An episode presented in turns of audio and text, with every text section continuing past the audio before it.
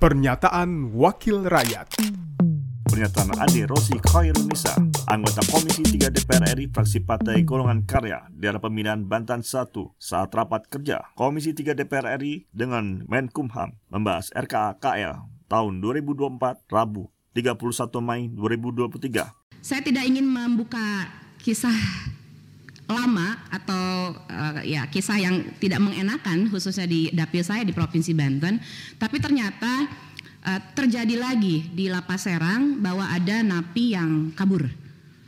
Nah, ini saya langsung teringat kembali uh, napi yang dulu kabur di Tangerang yang sampai apa mengebor dan lain hal sebagainya.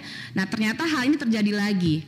Ya, mohon izin Pak Dirjen Pas, mungkin ini kita harus juga memperketat pengamanan kah? Atau memper atau memperbanyak SDM kah? Atau memperbaiki fasilitasnya? Saya rasa tanggung jawabnya atau uh, jawabannya ada di Pak Menteri dan juga Pak Dirjen Pas. Yang ketiga Pak Menteri kita sudah hampir lima tahun di sini.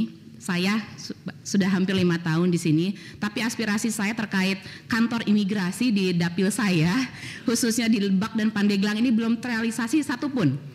Uh, saya minta, saya mohon ya mudah-mudahan salah satunya saja Pak Menteri, entah itu mau di Lebak atau mau di Pandeglang silahkan ya karena dua wilayah ini memang belum memiliki sehingga mereka yang dari Lebak dari Pandeglang kalau mau mengurus uh, apa paspor dan lain sebagainya itu harus ke Serang atau harus ke Tangerang. Jadi mohon uh, uh, prioritasnya, mohon uh, perhatiannya bagi uh, Lebak dan Pandeglang wilayah dapil kami. Pernyataan Ade Rosi Khairunisa anggota Komisi 3 DPR RI fraksi Partai Golongan Karya daerah pemilihan Banten 1, produksi TV dan radio Parlemen, Biro Pemberitaan Parlemen, Sekjen DPR RI. Pernyataan Wakil Rakyat